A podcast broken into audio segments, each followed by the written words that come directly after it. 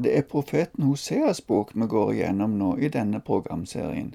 Sist gang starta vi på kapittel seks og så på de første tre versene der. Det var et sterkt lysglimt i den forferdelige situasjonen for de to landene som utgjør det opprinnelige Israel. I fortsettelsen så ser vi et uttrykk for den kjærlige Guds fortvilelse over at Israel ikke tar imot all den kjærligheten han har vist dem.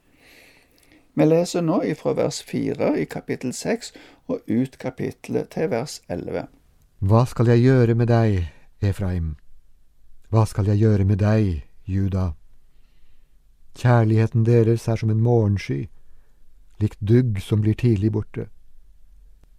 Derfor har jeg hugget dem ned ved profetene, drept dem med ord fra min munn.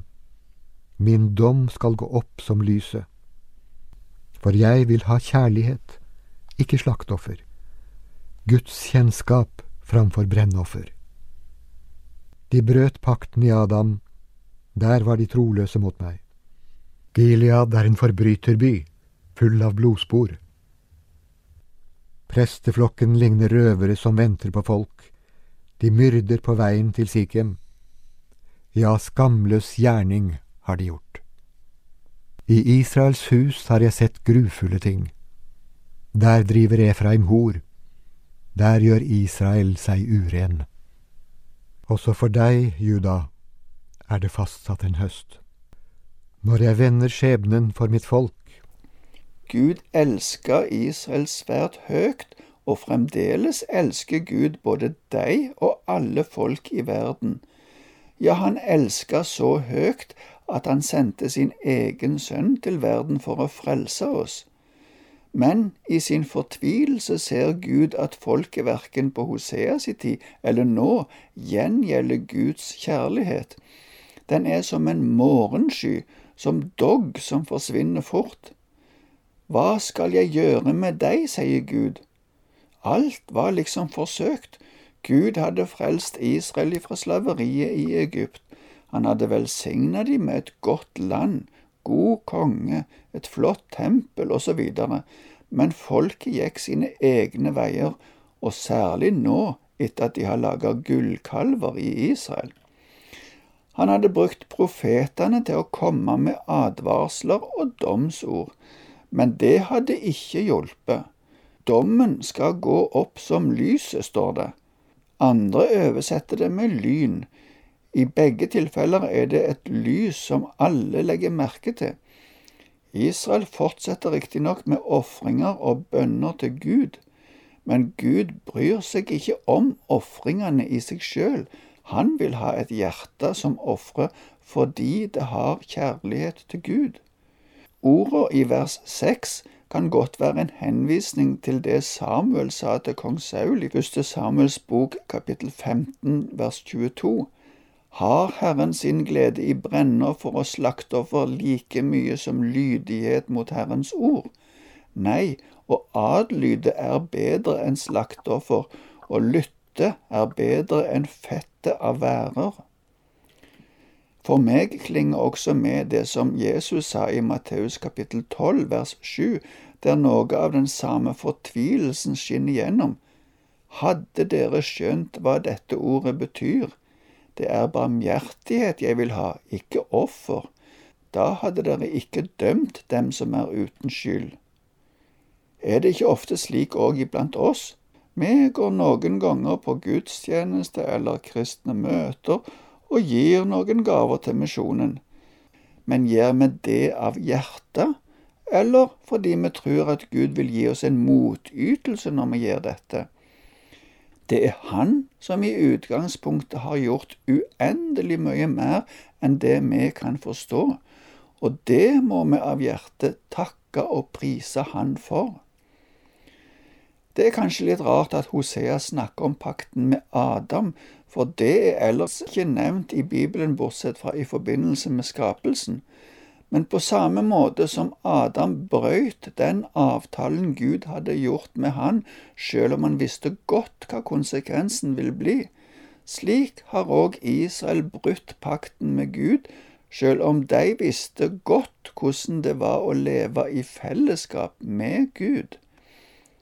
Gilead og Sikhem som nevnes, var tilfluktsbyer som skulle beskytte de som søkte ly der, men nå var de prega av grufulle ting og hor.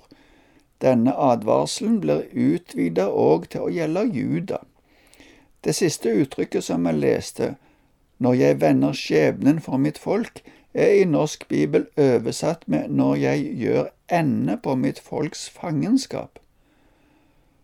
At det er fastsatt en høst, kan se ut som en dom og en forutsigelse av fangenskapet i Babel, men fortsettelsen ser ut til å gi inntrykk av glede. I den oversettelsen som vi bruker, er denne siste setningen kobla sammen med det neste kapitlet, og vi leser derfor litt videre der nå, ifra vers 1 til 7, men tar òg med den siste setningen som vi leste i kapittel 6. Når jeg vender skjebnen for mitt folk, når jeg helbreder Israel, da avsløres Efraims skyld og Samarias ondskap. De farer med svik, tyven bryter seg inn, røverne herjer på gaten. De sier ikke til sitt hjerte at jeg husker all deres ondskap. Men nå er de omringet av sine gjerninger, jeg har dem for øye. De gleder kongen med sin ondskap, og stormennene med sine løgner. Alle er de ekteskapsbrytere, lik en ovn som er så het at bakeren ikke trenger å fyre fra deigen er knadd og til den har hevet seg. På vår konges dag gjør de stormenn syke av heten fra vinen. Han rekker hånden til spottere. Hjertet deres ligner en ovn der de ligger på lur.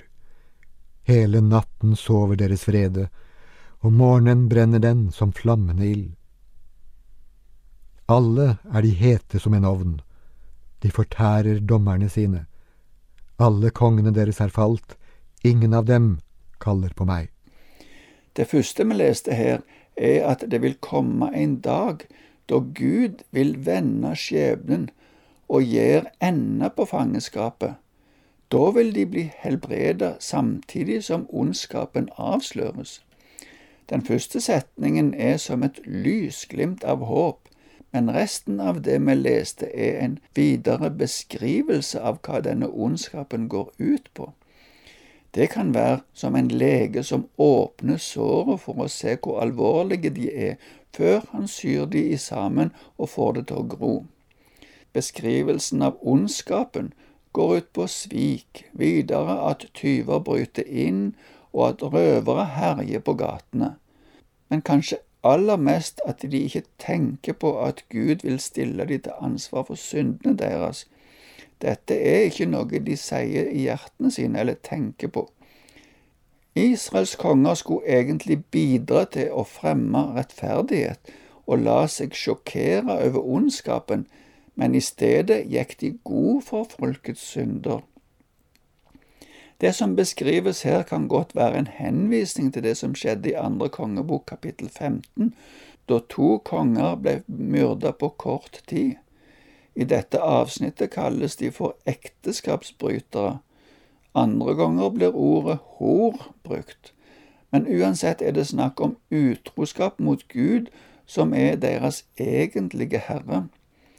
Det er ingen som kaller på meg, sto det i det vi leste, og det temaet beskrives videre i resten av kapittelet. Vi leser det nå ifra vers 8 til 16. Efraim blander seg med folkene. Efraim er blitt en brødleiv som ikke er snudd. Fremmede har fortært hans kraft, men han vet det ikke. Han er alt overstrødd med grått hår, men han vet det ikke. Israels hovmod vitner mot ham, men de vender ikke om til Herren sin Gud, de søker ham likevel ikke. Efraim er blitt som en due, godtroende og uten forstand. De kaller på Egypt, de drar til Asur. Når de drar, kaster jeg nettet mitt over dem.